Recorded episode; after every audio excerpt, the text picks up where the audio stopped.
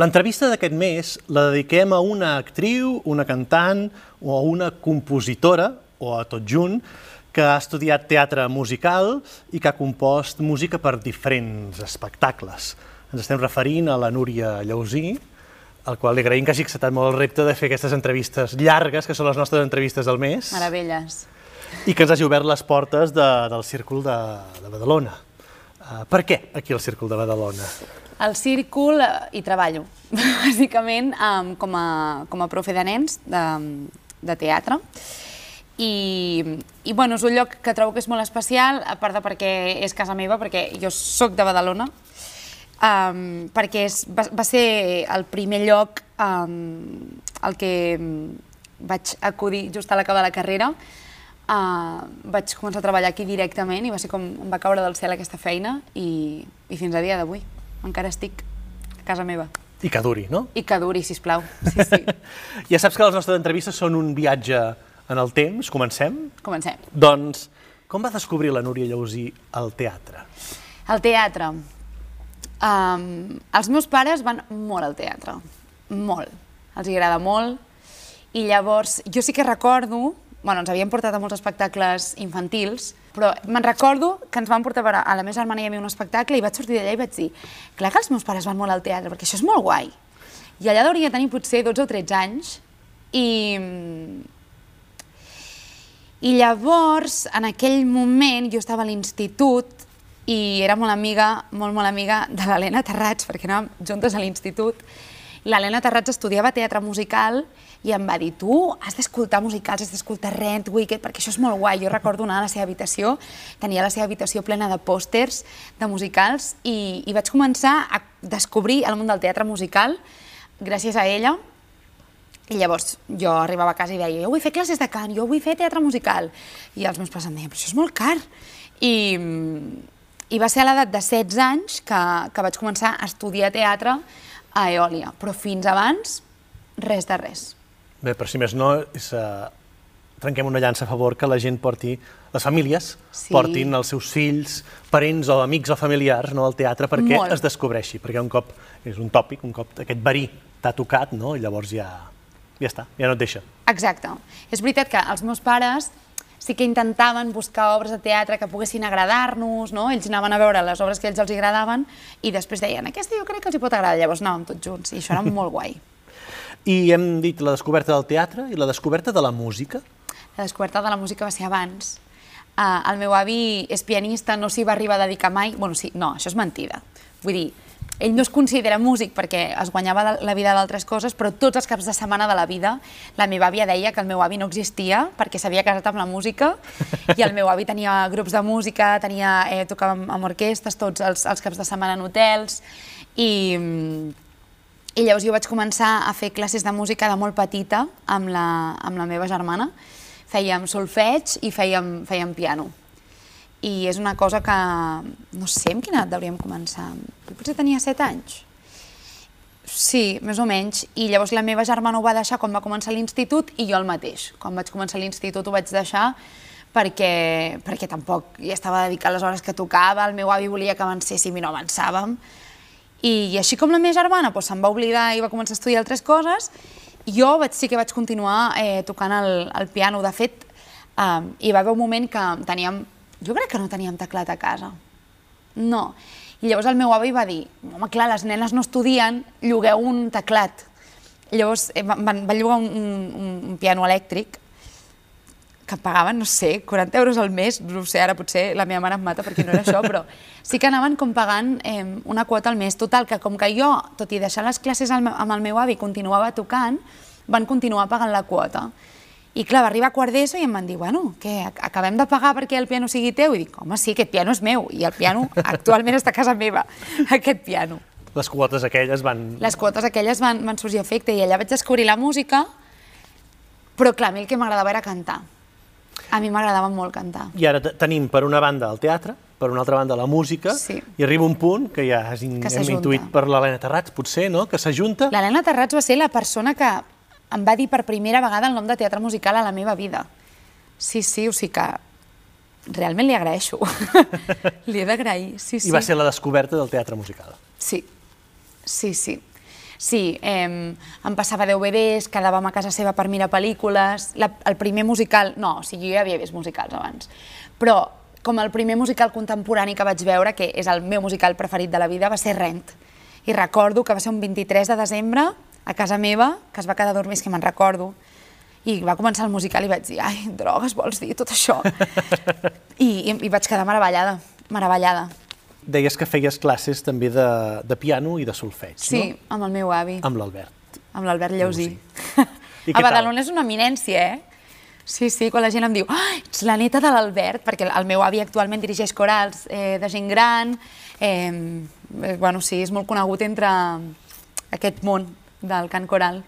I hi havia concessions pel fet de, de que eres la seva neta o, o Ui, deia, no, no, no perquè la dur. música és una disciplina molt, dur. molt dura sí. i per tant aquí no hi ha concessions, eh? No hi ha concessions. De fet, bé, el meu avi dirigia la coral Montigalà, jo vaig néixer al barri de Montigalà de Badalona i m'he criat allà i els meus pares i els meus avis viuen allà i llavors el meu avi va, va muntar la coral, la coral perquè no, no se'n deia coral de gent gran perquè hi havia gent de totes les edats, tantes edats que ens vam apuntar la meva mare, la meva germana i jo i érem, no sé, és que no sé quina, deuríem tenir 10 anys, potser, jo ten, deuria tenir 10 anys, la meva germana 12, una cosa així, i anàvem a cantar la coral.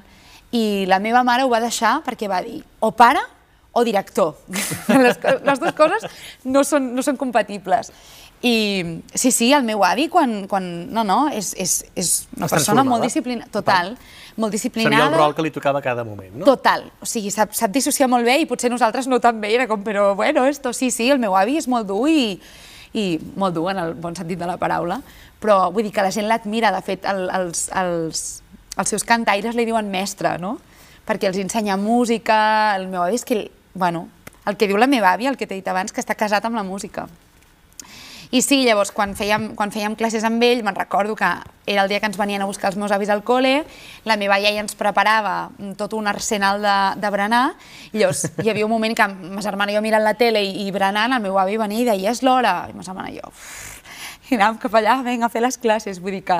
Sí, sí, el meu avi tenia molt, clar, molt clara aquesta figura, i jo li agraeixo eternament perquè, bueno, quan ve avui, a, a dia d'avui, ahir va venir mateix al, al concert d'Eros, surt meravellat i, i sempre diu que, que se sent com orgullós d'haver plantat la llavor del, del que sóc avui, no? Dèiem que el, la música és una disciplina dura i que no hi havia concessions, però també vas estudiar el 2002 una altra disciplina que tothom diu que és molt dura, que és la dansa. La dansa. És més dura que les altres? És una duresa diferent? Una duresa diferent, jo crec. Sí, jo mai, és una, mai no he sigut una persona que, que faci molt d'esport. Llavors, és una disciplina que em costava molt. I mm, jo vaig triar fer dansa... Perquè més era dansa clàssica. Dansa clàssica, sí. Vaig començar a fer dansa clàssica com totes les nenes de la vida, que els hi posen el mallot i el tutú i, i cap a fora, perquè moltes companyes de classe estudiaven dansa i jo vaig dir que jo també volia fer-ho. Uh, vaig començar aquí a Moviment 2, que um, tenen una, un conveni amb, amb la Royal, llavors ve la gent de la Royal a fer-nos exàmens, i és una cosa que no sabia, em vaig apuntar perquè les meves companyes ho feien. I mm, els meus pares van obligar ma germana també a apuntar-se, llavors clar, anava jo encantada amb les meves amigues i la meva germana amb una cara més llarga, i llavors hi va haver el moment que, que ens van dir bueno, que, que les nenes eh, hauran de fer uns exàmens, i uns exàmens, i, i sí, sí, no sé si en vam fer un o dos, la meva germana i jo, una senyora que venia d'Anglaterra, british com ella sola, a parlar-nos en anglès. Ma germana, bueno, és que jo recordo, o sigui, crec que mai a la vida he passat tants nervis per una cosa que ara ho penso, que ni m'anava ni em venia, no? Perquè, bueno, suspendre o aprovar, vam aprovar amb molt bona nota, però sí, llavors hi va haver un moment com que veiem que, que allò requeria uns esforços que tampoc ja no fèiem això, fèiem piano, fèiem moltes extraescolars i, i ho vam acabar deixant, però però recordo com...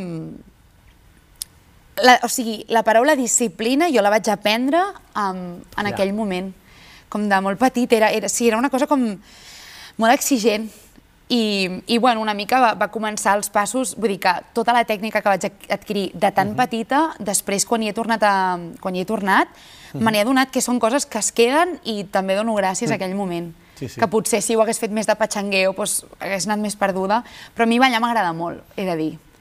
Si no he tornat mai a fer dansa clàssica, bueno, sí, a la carrera, però crec que no, fins i tot no era tan, tant com en aquell moment. Que era pur i dur. Pur i dur, sí, total, sí, sí.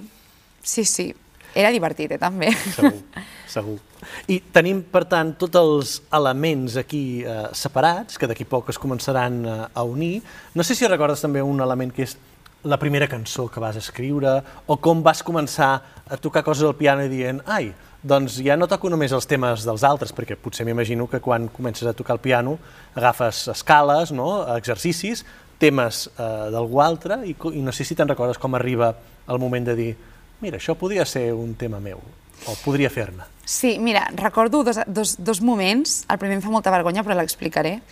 La, amb el meu grup de veïnes, teníem, bueno, érem molt, molt amigues, llavors hi vam, tots els estius els passàvem juntes, no? Teníem una zona comunitària, llavors tant baixàvem a patinar com a muntar coreografies. Llavors, jo era la petita del grup, eren més grans que jo, i llavors hi va haver l'estiu de anem a muntar un grup de música, no? com les Spice Girls. Llavors jo recordo un dia agafar la guitarra i, i escriure una cançó cotríssima de dir, això anirà pel grup. Però clar, vull dir, era com allò de dir, bueno, serà pel grup, però, però em fa vergonyeta perquè, clar, això... Llavors allà com vaig, vaig començar a notar que allò era divertit. Amb 12 anys. Després, amb 14, vaig tenir el moment a escriure cançons perquè jo em vaig enamorar molt fortament d'un noi, llavors jo li escrivia molts poemes i moltes cançons a, a les classes. Jo, jo dedicava tot el dia, va, haver una època, era una primavera, i jo escrivia tot el dia, els, els profes deien, és que aquesta noia està mates i està, està rimant tot el dia. I feia moltes lletres. Llavors allà una mica era com bueno, una mica com per treure'm el trauma, però tampoc vaig pensar que allò pogués anar més. Llavors arriba el moment que jo ja vaig començar a estudiar eòlia al planter i, i llavors ens vam juntar un, un grup de gent i vam decidir que escriuríem un musical.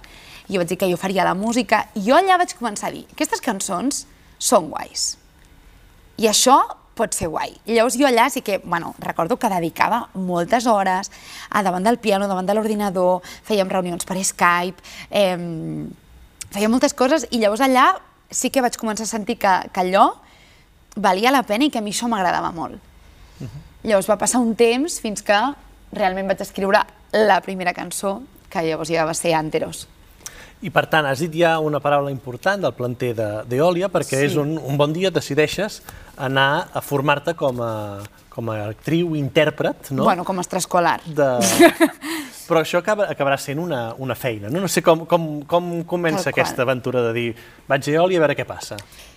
De cop un dia, a, a música del, de l'institut, la profe està de baixa i ve una, ve una substituta. I de cop eh, em diu, jo a les classes de música hi haurà un moment que faré classes de cant. I jo, sí, sí, a mi m'agradava molt cantar, això era quart d'ESO. Llavors començo, em comença a fer unes escales i em diu, jo crec que tens alguna a la veu, jo crec que t'hauries de mirar, jo crec que deus tenir nòduls. Jo espantada, a mi m'agradava molt cantar i dic, jo ara no vull tenir problemes. Llavors, va, ve tot un procés pel qual acabo fent logopèdia a grupal i a l'acabar aquestes sessions la logopeda parla amb els meus pares i diu la Núria això no ho vol fer. La Núria el que vol és fer classes o mm, algun tipus de, de disciplina més direccionada. Llavors els meus pares, ja desesperats, desesperats perquè, perquè van dir, bueno, què, què vols fer, saps? I vaig dir, "És que Què jo crec- farem, què farem de la nena, no? què farem de la nena? No? I vaig dir, jo crec que vull fer teatre musical, però jo no... O sigui, més enllà de les pel·lis que havia vist, llavors allà ja vam buscar una escola i, i a mi va, jo recordo entrar a Eòlia a fer com una entrevista i notar que allò era casa meva. És que no ho puc explicar, però va ser una sensació molt estranya i, i ja m'hi vaig quedar. Llavors, amb 16 anys vaig començar al planter a fer teatre i fer teatre musical concretament i, bueno, la meva mare diu que, que va ser el moment on em van perdre de vista. O sigui, jo els dissabtes començava a les 9 a Eòlia i acabava a les 12, però no tornava a casa fins a les 8 del vespre, perquè ens quedàvem tota la tarda. Vull dir que va ser com un descobriment de cop de... És que no només eren les hores eh, lectives De classe, sinó tot el que passava després, no? tot el que passava després de eh, conèixer gent que compartia les mateixes inquietuds que jo, la mateixa manera de ser, com trobar un espai, trobar un col·lectiu, és que va ser meravellós. I allò que havien de ser dos anys, perquè el planter a mi s'aca- se m'acabava amb 18, eh, perquè ja començava l'etapa adulta, Um, es va allargar un any més perquè van obrir un altre, um, uns altres grups que se'n deien tallers, que eren ja un taller de creació. A nosaltres ens, va, ens van posar a fer teatre musical i clar, allò ja era la bomba en vinagre.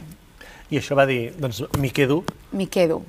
a fer la, la formació professional, no? Sí, perquè aquest any, clar, era dels 18 als 19, i jo allà... mm, O sigui, jo sóc una persona que també m'ha agradat molt estudiar i que he tret molt bones notes, i llavors, clar, jo havia de fer una carrera. I vaig començar a fer psicologia.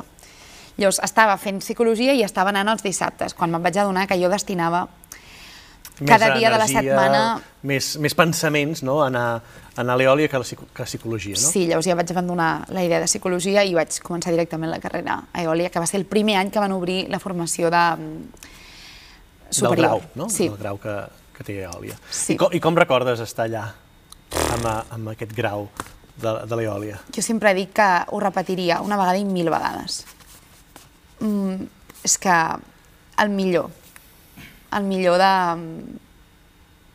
No, no de la meva vida, però, però sí que ho tornaria a triar moltes vegades. És que va ser, va ser meravellós. La gent que vaig conèixer, el que vaig aprendre, el que em va passar, tot. Meravellós, de veritat. Sí. I a més, a partir de l'eòlia comencen a sortir projectes que ara anirem eh, trobant, com, per exemple, uns pastorets, Uns pastorets. dirigits al poliorama, no? dirigits pel, pel Paco Mir. Potser molta gent no els va veure. Com, com els hi diries, això? Què, què era? Era una gambarrada. Era una gambarrada. Va ser... Que venint del Paco Mir no ens estranya, No en el bon sentit de la gens. paraula, no? Sí, el Paco Mir va ser una meravella de director. Eh, va, ser un, va, va ser el meu primer càsting de la vida. Jo em vaig apuntar perquè creia que era una bona manera de trencar el gel, de dir, bueno, els càstings es feien a Eòlia, en principi era un projecte que sortia d'Eòlia, era en principi dirigit per, per alumnes d'Eòlia, i vaig dir, bueno, serà un, em sentiré a casa i serà fàcil.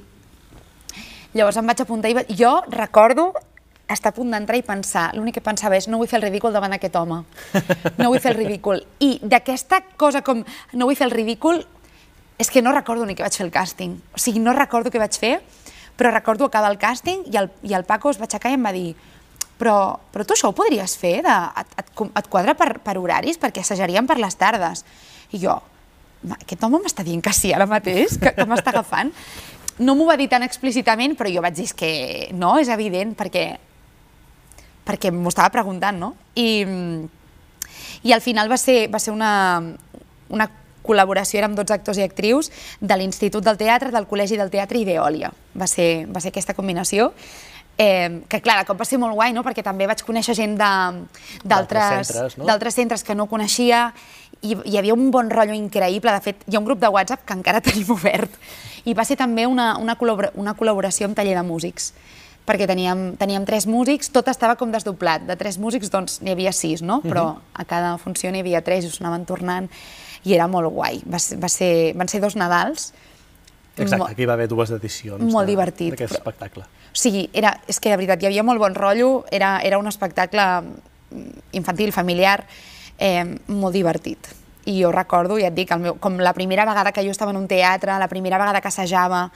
És veritat que era aquesta cosa com amagada, no? perquè naixia d'un projecte com més pedagògic per a escoles, però no deixava de ser una producció Mhm, que es feia en un, en professional. un teatre, no? I en un teatre de, de Barcelona, que és el Teatre Poligrama, no? Sí, que en aquell sí. moment devia semblar-vos que era el Liceu, no? Allò... Tal qual, de veritat, de veritat. Jo recordo trepitjar l'escenari i clar, era molt, molt divertit perquè van ser, van ser dos Nadals però que teníem funcions, moltes vegades fèiem doblete, no? matí i tarda, allò es dinàvem tots junts i eren com, com unes colònies. Una família. Sí, i clar, més el Nadal, no? que, que, que tothom vol estar a casa seva.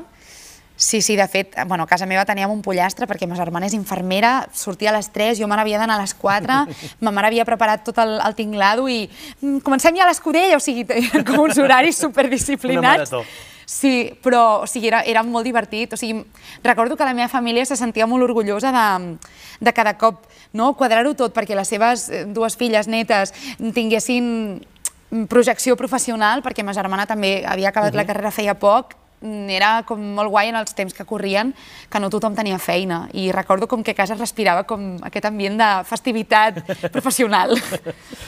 I el 2016 també el, a l'Eòlia, dirigit per l'Helena Tornero, Hmm.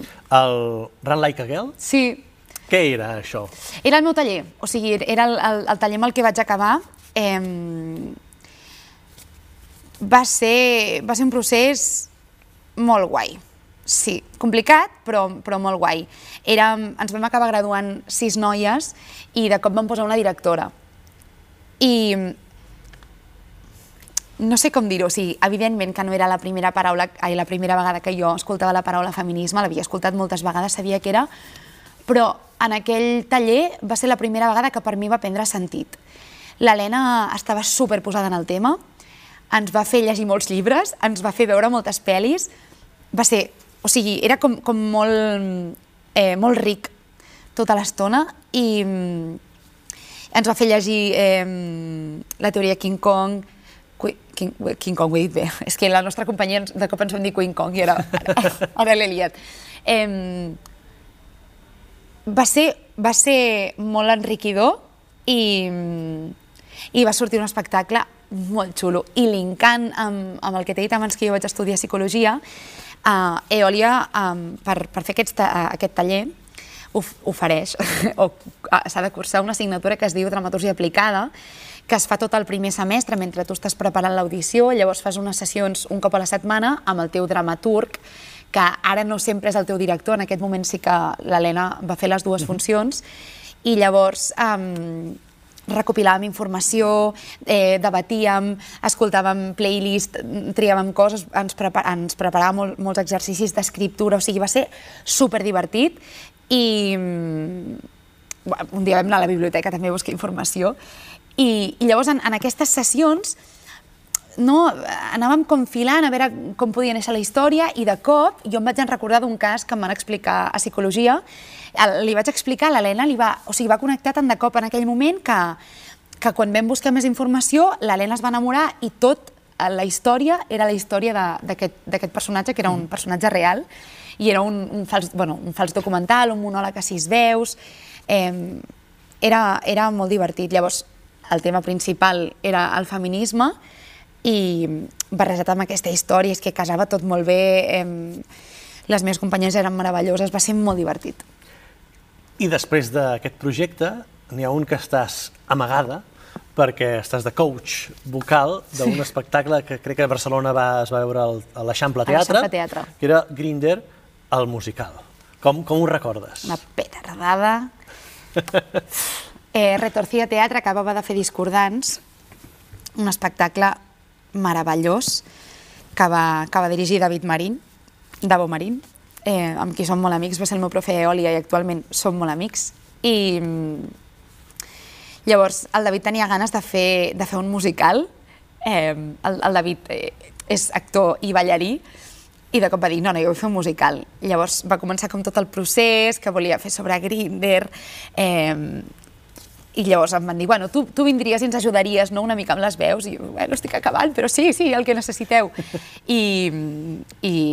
T'apuntaves a un bombardeig. Però a dia d'avui encara em passa, però en aquell moment encara més, i és que era molt divertit, molt divertit, estava molt ben escrit per la Serena, eh, era molt divertit. I, o sigui, jo estic molt contenta perquè, independentment no, de si et pogués agradar més o menys, perquè això no es pot controlar, però ells van fer el que volien fer. I trobo que això té molt de mèrit. I... I després de Barcelona va viatjar, de fet, a Madrid. A Madrid. Sí, sí, a Madrid, clar, Xuega ja ho va petar. sí, sí. I, de fet, el, el Grinder, el, el musical, després d'això, continues, o paral·lelament d'això, continues també formant-te com per exemple amb la Mariona Castillo, amb el Daute, és a dir, no s'acaba mai, no, això, aquesta no. consciència de la formació? No, sí, passa que moltes vegades quan, quan acabes una formació, mm, no va dir tan llarga, però vull dir una formació de 4 anys... Formació arreglada, acadèmica, Exacte, no? no? Que, que portes uns horaris... Un d'estudis... Al mateix lloc cada dia, no? Et vas trobant amb, amb diferents professionals, de vegades repeteixes, com estàs molt cansat i tens ganes com de... No, ara tinc ganes de treballar, no?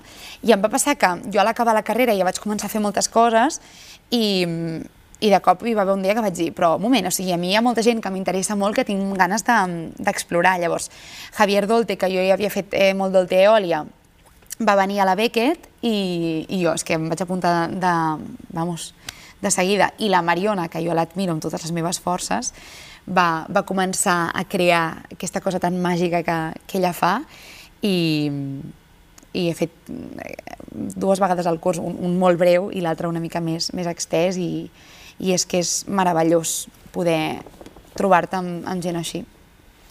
I d'anar-te trobant coses diferents, el 2000, la temporada 16-17 hi ha Les Brujas de Salem a per un festival del, del teatre grec. Com, com ho recordes, això? Això jo crec que és el més fort que em passarà a la vida.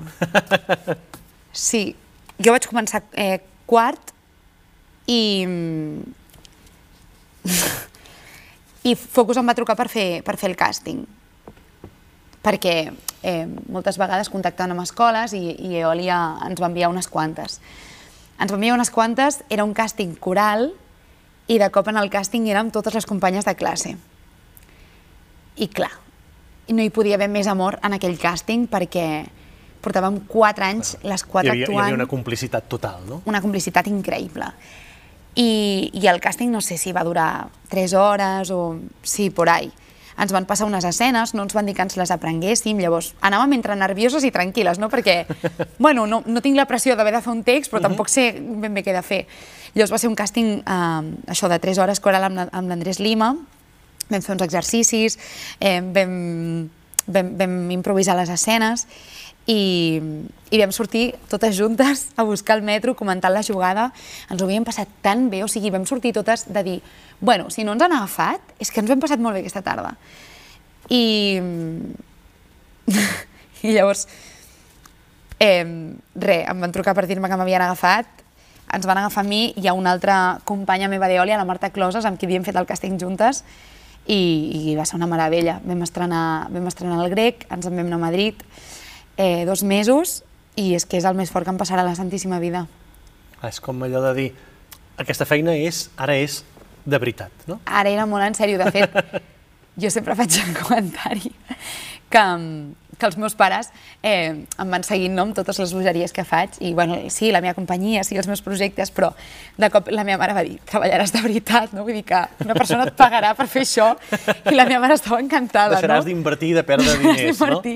Sí, sí, els meus pares van dir, ara treballaràs de veritat. Jo deia, bueno, fa temps que treballo de veritat, eh?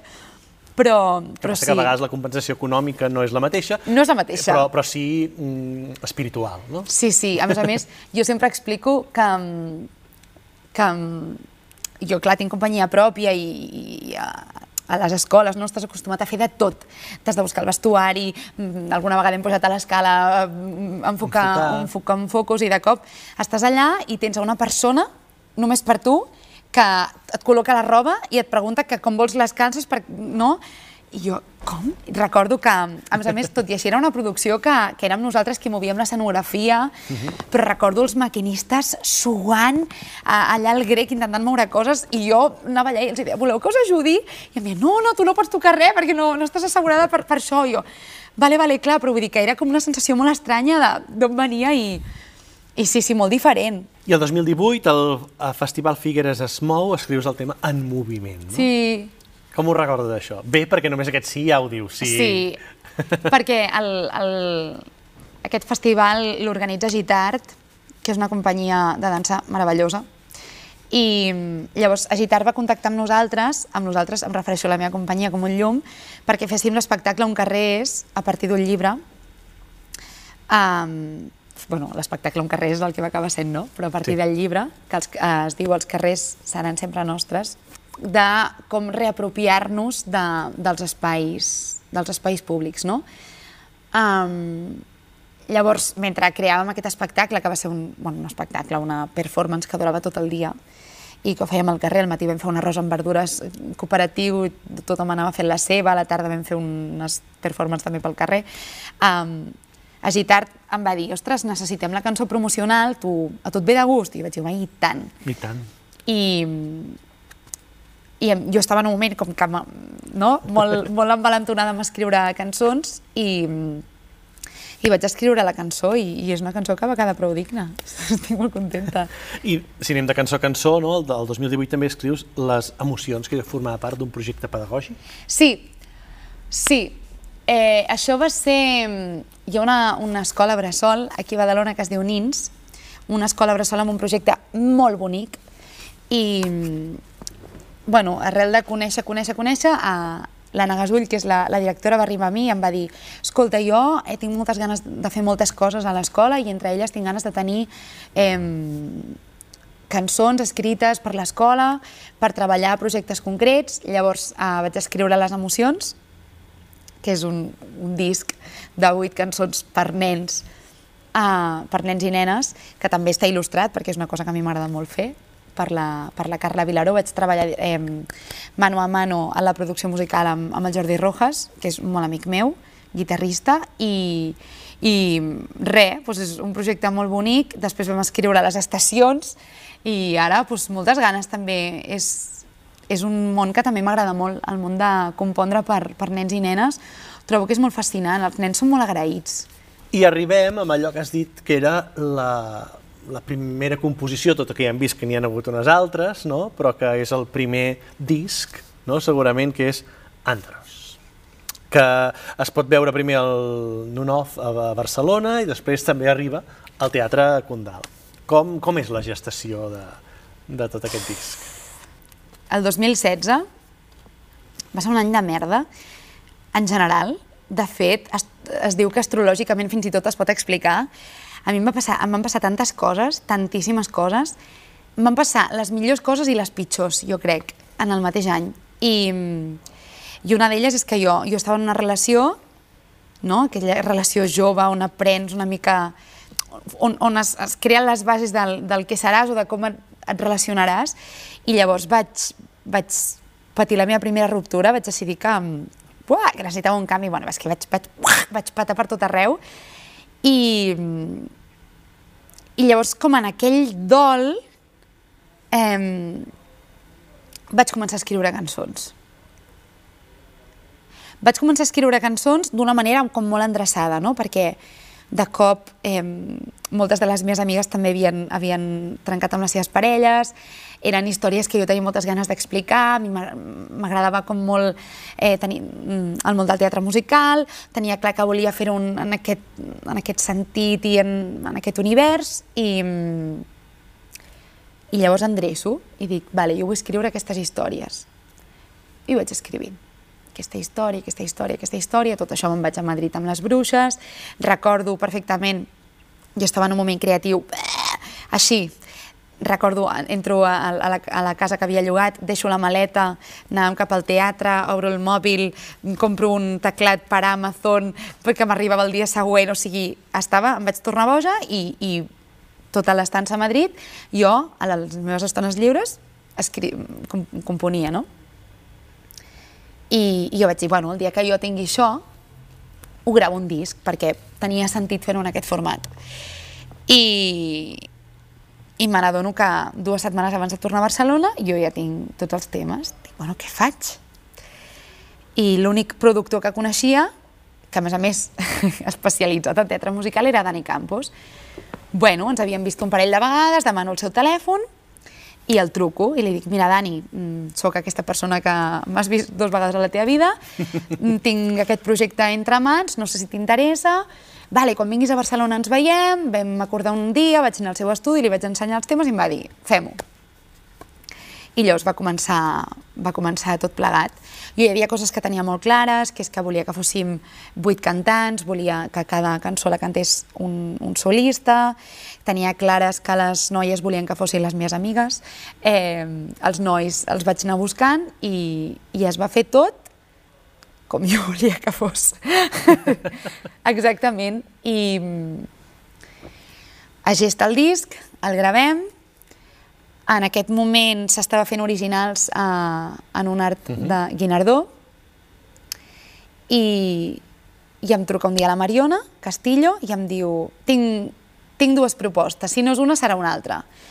I llavors primer em va, em va intentar eh, proposar originals, però clar, el disc no havia sortit, eh, o sigui, ningú em coneixia com a compositora, perquè no ho era en aquell moment.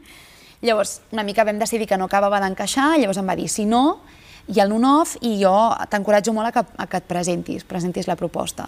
Vam presentar, vam fer tot el, el, el formulari, vam, vam creuar molt, molt fort els dits i llavors ens van dir que sí.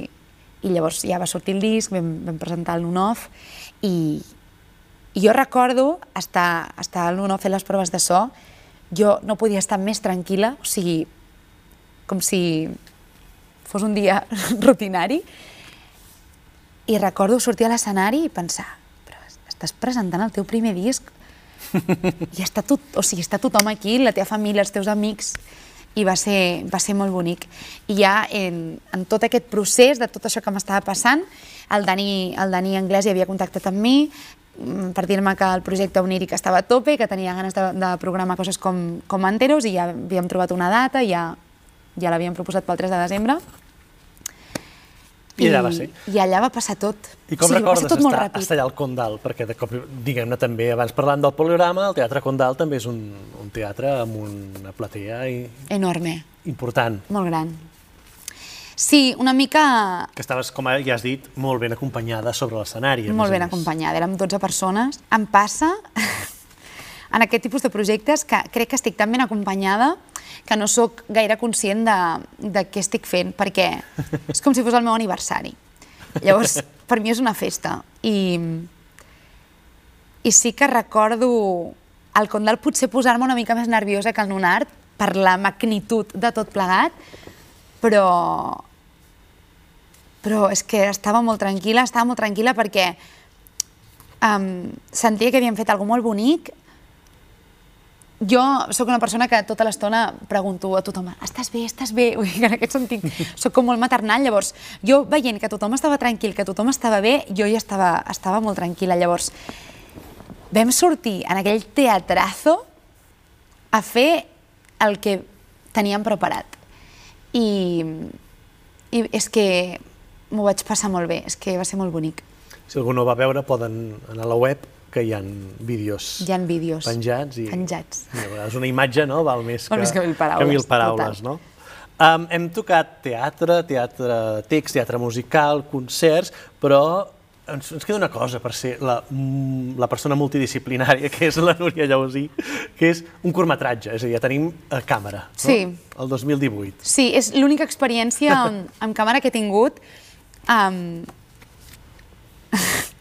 Sí que recordo, a, a quart teníem una assignatura eòlia que es deia Casting i Videobook, que vaig gaudir moltíssim perquè ens van portar molta gent molt diferent per fer-nos xerrades i, i llavors va venir la Mireia Juárez, directora de càsting, a, una mica espavilar-nos i a dir, vinga, anem a fer videobooks i us explico com s'ha de fer. Jo recordo que no m'interessava gaire tot plegat, perquè jo volia fer teatre, teatre, teatre. I llavors hi va haver un moment que vaig dir, bueno, Núria, tampoc pots renunciar. Llavors va, va aparèixer a través d'un contacte amb la, la Sara, la directora del, del curt, i em va dir, escolta, jo crec que podries encaixar perquè també eh, el personatge cantava i, i volien que fos una cançó original per, per tema de, de drets i tota la mandanga. Al final no vaig fer una cançó meva, vaig fer una cançó d'una amiga meva que li vaig demanar. I, i va ser molt divertit. El, el meu company era Pol Forment uh, i va ser molt divertit. Van ser tres dies, feia molt de fred i Sí, o sigui, una experiència com molt diferent. I és l'únic que he fet um, de càmera. Però repetiria, eh? O sigui, com aquella cosa que deia, no, no, jo això no vull fer, no, em vaig desdir en aquell moment. Queda dit, no? Si, ho, sí. Si ho senten, ho miren.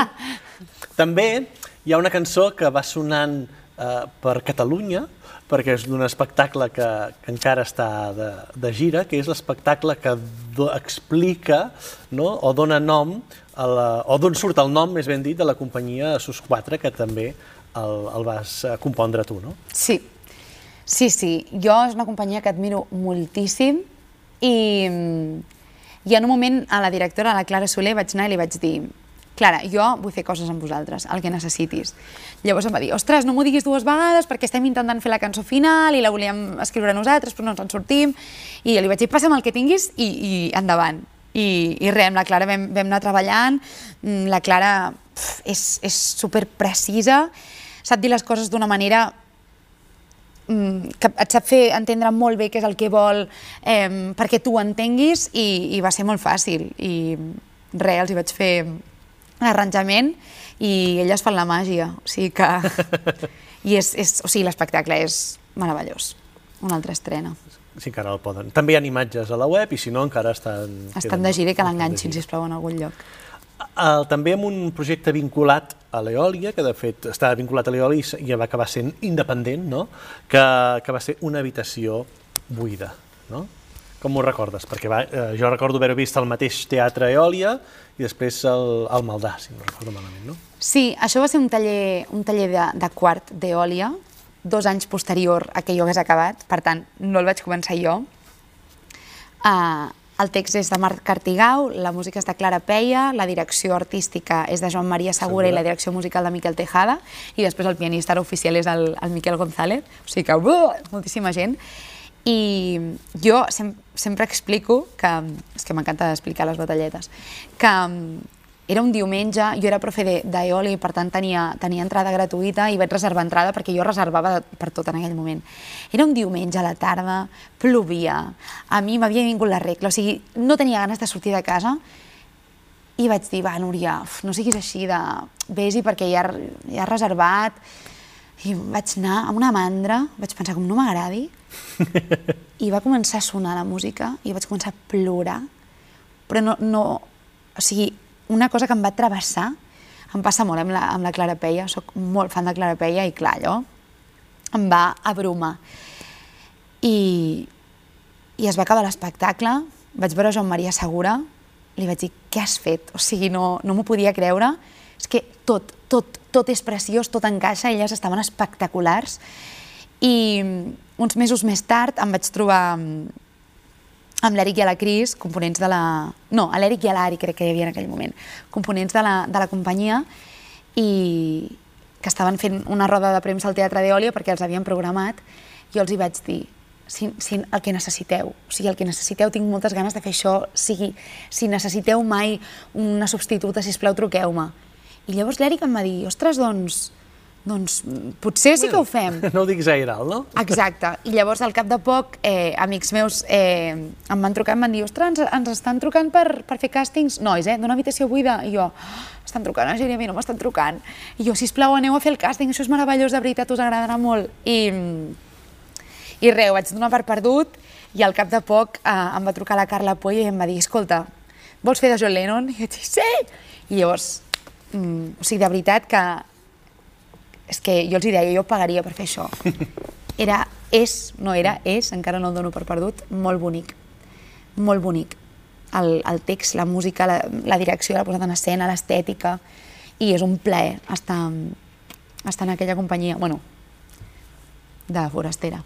És important, no?, també que les escoles de teatre, eh, de teatre musical, de text, del, del que sigui, les escoles de teatre en general, eh, plantin la, se la seva llavor amb noves creacions, nous espectacles, nous autors, o que donguin una empanteta, això que costa tant a Catalunya, que és fer companyies, bueno, companyies n'hi ha moltes, però moltes. Que, que subsisteixin les companyies i que puguin a, arribar als teatres o un, o en un circuit on es puguin guanyar la vida i ensenyar, o tan sols ja ensenyar el seu espectacle, no? Mm. Com en aquest cas seria això, que neix d'un taller i acaba ten tenint vida pròpia, no? Sí, i en aquest, en aquest cas eh, vam comptar amb una mica l'empenta de Joan Maria Segura que, que ens va ajudar a aconseguir els contactes. Eh, per exemple, va ser ell qui, qui va fer que vingués eh, l'Adrià del Maldà.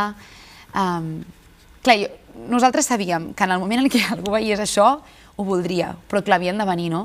I també és com difícil accedir uh -huh. a aquest tipus de gent o, o aconseguir que, que vinguessin.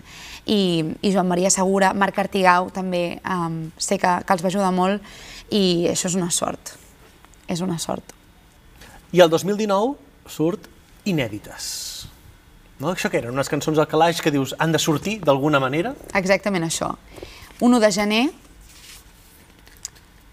jo li dic, truco a la Júlia i li dic Júlia, jo tinc ganes de, de seguir component, no tinc un duro, per tant no puc tornar a entrar en un estudi, però crec que podem trobar una manera una mica més austera de...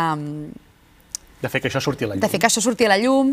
A tot ve de gust acompanyar-me i ajudar-me, i la Júlia, que no sap dir que no, doncs eh, em va acompanyar, llavors ens vam, ens vam juntar la Júlia, el Ferran, que li vaig demanar, sisplau, sisplau, que fes de pianista, la Paula, eh, que fa, ha fet totes les il·lustracions i ens vam juntar els quatre i ha sigut eh, l'equipo A. És que, o sigui, un projecte super auster, super minimalista, que ha anat treballant com una formigueta perquè cada mes sortissin les cançons eh, que es poden veure a YouTube i, i tothom ens va dir que sí, totes les col·laboracions i, i clar, i al final vam acabar amb un concertàs amb tothom, menys l'Àfrica Alonso que estava a Nova York, a, a sobre de, del Teatre de Lluís d'Horta, o sigui, un altre cop aquell dia també va ser el meu aniversari.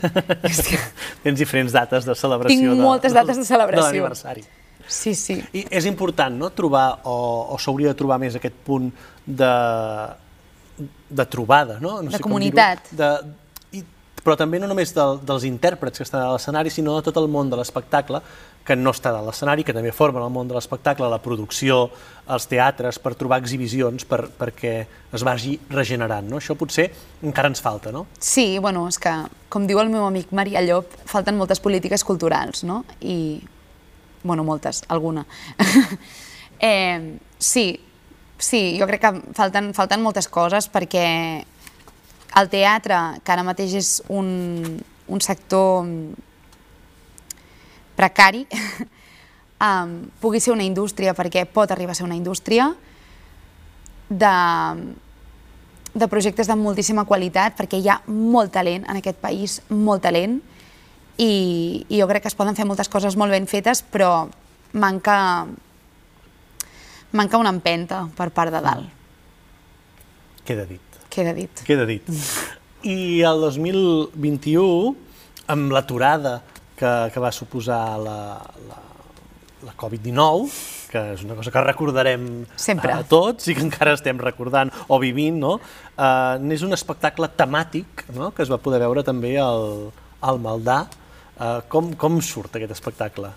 Aquest espectacle surt en el moment en què mm, jo li escric a Daniel Anglès i li dic tinc moltes ganes de, de, seguir, de seguir component i escriure moltes cançons i si tens algun espai dins d'aules o a qualsevol altre lloc, que sàpigues que, que m'agradaria molt que comptessis amb mi. I mm, llavors em va dir, mira, tinc, al cap d'un temps tinc, tinc un taller a, a aules amb els alumnes de quart amb els i les alumnes de quart, que, si vols, um, és teu perquè els hi facis un cicle de cançons, que és lo mío, i, i així va ser. Llavors, jo vaig aparèixer el primer dia en un univers eh, a explorar, que era el món de la família. Jo tenia moltes ganes de, de parlar sobre, sobre aquest tema i, i amb un títol ja els hi vaig eh, proposar, que és Domus, i bueno, quan els hi vaig dir, ah, ens encanta, pell de gallina. I llavors ja una mica vam, vam començar com a, a rascar de, de cada persona, que no personatge, quina, quina era la seva història, no? I, i llavors a partir d'aquí vam, bueno, clar, va ser un procés com de conèixer-los a nivell creatiu, a nivell personal, a, a nivell de cantants, no? en tots els aspectes, per anar construint la peça per cadascú. I, i era meravellós eh, quan els enviàvem trossos de, de la cançó, no? el que anava fent, bueno, m'enviaven fotos d'ells plorant, notes de veu, això és meravellós, és que és exactament el que em passa, i, jo me'n reia molt, i els hi dic. Eh, I va ser, ha estat, perquè no, no ha passat fa tant, un procés superplaent, han currat moltíssim i, i va quedar una cosa molt xula. I de fet encara hi ha de tant tant algun Van bolo. Van fer abans d'ahir eh, un bolo a, a Molins de Rei. I, I sí, sí, sí, són, són un grup molt xulo. I és un espectacle, diguem-ne, temàtic, però no hi ha un argument en el sentit clàssic, no? No. De, de plantejament nus i, i desenllaç, perquè a vegades no cal, no? No cal. sí, o sigui, a mi el que em passa, que aquí està el meu taló d'Aquiles, m'agrada molt escriure cançons, m'agrada molt explicar històries amb cançons, però no m'agrada i no en sé escriure dramatúrgies, no? Un, un, el que en termes de teatre musical en diríem un llibret, no? Total. I llavors em passa que, que no ho puc fer. Llavors, des d'aquí reclamo que dramaturgs i dramaturgues m'escriviu, si plau, tinc moltes ganes de col·laborar amb vosaltres, perquè realment tinc moltes, tinc moltes ganes de, de crear una cosa amb una mica de sentit, no? Um, I mentrestant vaig fent pues, això, el que sé fer. I si ens n'anem uh, pràcticament a l'actualitat, fa pocs uh, dies uh, Roger Berruezo va fer un concert al Teatre Condal on eren històries que mai s'havien cantat i una d'aquestes era de la, de la Núria Llausí. Com ho vas viure aquella nit eh, en aquell escenari gran que és el Condal, no? Que Roger Berruezo cantés un tema escrit per la Núria Llausí. Clar, en primer lloc, he de posar en context que jo vaig decidir que volia, o sigui, definitivament decidir que volia dedicar-me a això quan, quan vaig anar a veure que el nou musical que protagonitzava Roger Berruezo, entre d'altres persones. Vull dir que jo, quan, quan vaig començar a estudiar eòlia, Roger Berruezo era mm, pues, mm, com a mínim un déu no? en, en els nostres caps. Clar, una mica aquella imatge continua, no? perquè forma part de, de la meva memòria històrica. Si les miren cronològicament les entrevistes, podem veure que l'entrevista anterior del mes és amb Roger Berruezo. Sí, sí, la vaig, la vaig estar mirant l'altre dia. Eh, I clar, o sigui, en aquest moment Roger Berruezo m'escriu per Instagram per explicar-me el pollastre que muntarà i demanar-me això, i jo vaig fer captures de pantalla, enviar-los totes les meves amigues, notes de veu, cridant com una... Bueno, clar, com la friki fan que sóc, no? I, i clar, li vaig dir que sí, evidentment. Li vaig dir que no tenia cançons al calaix perquè ho acabava de parir tot, però, però que tenia moltes ganes d'escriure de, alguna per ell, no? Llavors eh, em va passar un, un text que havia escrit amb, amb Marc Gómez i vaig partir d'això per, per acabar de, de, de perfilar el tema. I, i res, clar, de cop, estar en aquell teatre com a espectadora, veient que estaven cantant una cançó meva tocada per aquella banda de músics, bueno, és que jo vaig dir, jo crec que no li puc demanar gaire més a la vida. sí, sí. I al cap d'uns dies, en aquell mateix teatre, es va estrenar una cosa molt recent que és Eros, no? que és totes aquelles cançons que ja no tenies al calaix, eh, perquè estaven enregistrades, a més a més, en un disc, que és el segon disc, que, diguem-ne, és la resposta al primer. Sí. Sí, sí, és, eh, ho he concebut com una biologia.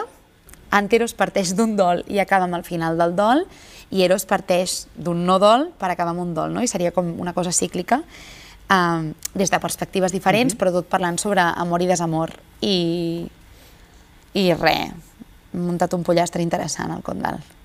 Està bé. A unes coristes i, i bueno, clar, m'acompanyaven la Carme Milán, l'Estel Tort, la Cristina Vallribera, com a coristes i musses i dioses, l'Eloi Gómez i una banda de músics increïbles, és que no... Amb el color verd. Amb el color verd de Marcodina, que Marcodina ha imposat, no, no. Sí, sí, amb, sempre amb, amb l'assessorament de vestuari de Marcodina. I meravella, és que ens ho, ens ho vam passar molt bé. I ara arribant al, a l'actualitat ja d'aquest viatge, què li queda al cap? El calaix ja sabem que potser res ara mateix. Calaix res de res. Però que, que, on està la Núria Llausí ara? La, la Núria Llausí, com acaba de dir, té moltes, moltes, moltes ganes de, de trobar algú amb qui, amb qui fer un musical, amb qui escriure un musical i, i fer-lo, o sigui, poder interpretar-lo té moltes ganes d'això. No té idees, però té moltes ganes d'això. Queda dit, no? Queda dit. Sí, ara, però, o sigui, tinc la sort de que Eros ja està format, tenim moltes ganes de, de fer-lo girar, acabo d'entrar també a grup vocal, molt recentment, i bueno, estic completament enamorada d'aquestes persones i d'aquest projecte i d'això que és a grup vocal i, i tinc moltes ganes de que això sigui un recorregut molt llarg amb elles Llavors, sí, a l'espera de que passin coses. Doncs que vinguin i que passin. Que vinguin no? i que passin. Doncs moltes gràcies per acceptar aquest viatge en el temps, que a són tu, Toni. les nostres entrevistes. I sempre les acabem amb una bateria de preguntes ràpides. Vale. Quin va ser el primer espectacle musical que vas veure o que recordes? Que, que recordo, que recordo... em, tenia 9 anys, va ser Peter Pan, al Barcelona Teatre Musical, i el recordo com molt especial perquè els meus pares ens van portar de sorpresa i ens van dir que el dia següent no aniríem al col·le perquè tornàvem molt tard a casa. Llavors va ser com una meravella i recordo la Gisela, eh, potser 9 anys, pot, pot ser, 9 o 10, sí, perquè la Gisela ja havia sortit d'OT. Uh -huh. I, o sigui, allò recordo com anar a veure el primer musical. Després van venir molts més, que em van marcar molt més, no? però allò va ser el primer. El desaparegut BTM, Sí, a dalt a Montjuïc. sí. Si t'haguessis de quedar amb una peça, amb un tema de teatre musical, o amb un tema que t'acompanya, o que t'ha acompanyat, o que t'emportaries a una illa deserta, Una cançó sí, de teatre musical. o no. Bueno, jo dic que la meva cançó, la meva, perquè és la meva cançó, perquè em defineix i em descriu perfectament, és Walking on Sunshine, eh, però ara mateix la meva màxima obsessió mm, molt probablement seria Bata i Dia de Waitress. Bata i Dia, sobretot Reprise. Concretament. Sí, Està bé. concretament. Queda, queda Sí. molt concís, perfecte. Un autor o autora Uh, autoautora, autoautora... Eh, Ibsen. Sí, la meva peça preferida de teatre és Casa de Nines. Un record que t'hagi donat el teatre, o el teatre musical, o la música, que no es pugui esborrar. Crec que el moment més menys esborrable va ser una funció de les bruixes de Salem. Tota l'escenografia era de fusta, estava com als laterals i l'anàvem muntant, començava sent casa, una casa, i anava passant per molts llocs, molts llocs diferents, no? cada, cada acte era un lloc diferent, acabava sent un patíbul, i llavors hi havia unes estructures de fusta i al, primer, al final del primer acte havíem de pujar una tarima alta però suportable i ho fèiem cada dia. I la Núria, Llau, la Núria Llausí un dia es va relliscar, vaig quedar com una planxa, era un moment superdramàtic on les nenes eh, les havíem d'acusar a tothom del poble, un moment com de, de moltíssima tensió i jo vaig acabar planxada al terra. Recordo que la Nausica Bonin va tancar els ulls i em va donar el braç per no riure més i, i ens vam haver d'aguantar el riure durant tota la funció. I, I el dia següent intentar no pensar en allò, perquè no era una funció que ens poguessin permetre aquell nivell de riure i, i va ser molt ridícul, molt ridícul. I jo crec que allò és l'anècdota del teatre per mi. Queda dit també. I per última, uh, què és allò que per tu només té el teatre musical?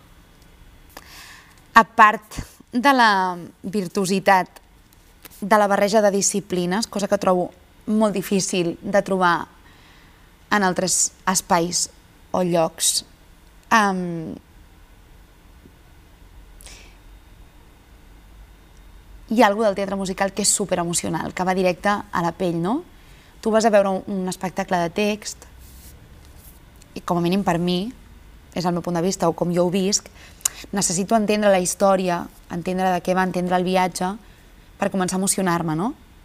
Més enllà de la proposta, que moltes vegades ja és molt emocional, però quan tu vas a veure un musical, l'obertura ja és espectacular. Ja l'és, de qualsevol musical. El moment en què comença a sonar la música i, la, i, les, i les, les cantants comencen a cantar és apoteòsic. I això no es troba en un altre lloc. I hi ha alguna de seure a la cadira i, i veure, que, veure allò que està passant, bueno, no ho sé, jo ho visc, ho visc així. I, I crec que aquesta és la droga per la qual la gent que ens hi dediquem anem tant a veure espectacles. Doncs esperem que tant la gent que ens, que ens dediquem com la, les persones que no s'hi dediquen eh, seguin amb moltes cadires com aquestes i omplin eh, els teatres escoltant aquestes paraules eh, lapidàries finals no? de la, de la Núria Llausí amb el, amb el respecte al teatre musical. Això esperem. Moltes gràcies A tu, per acceptar l'entrevista i amb vosaltres ens veiem d'aquí un mes a la propera entrevista.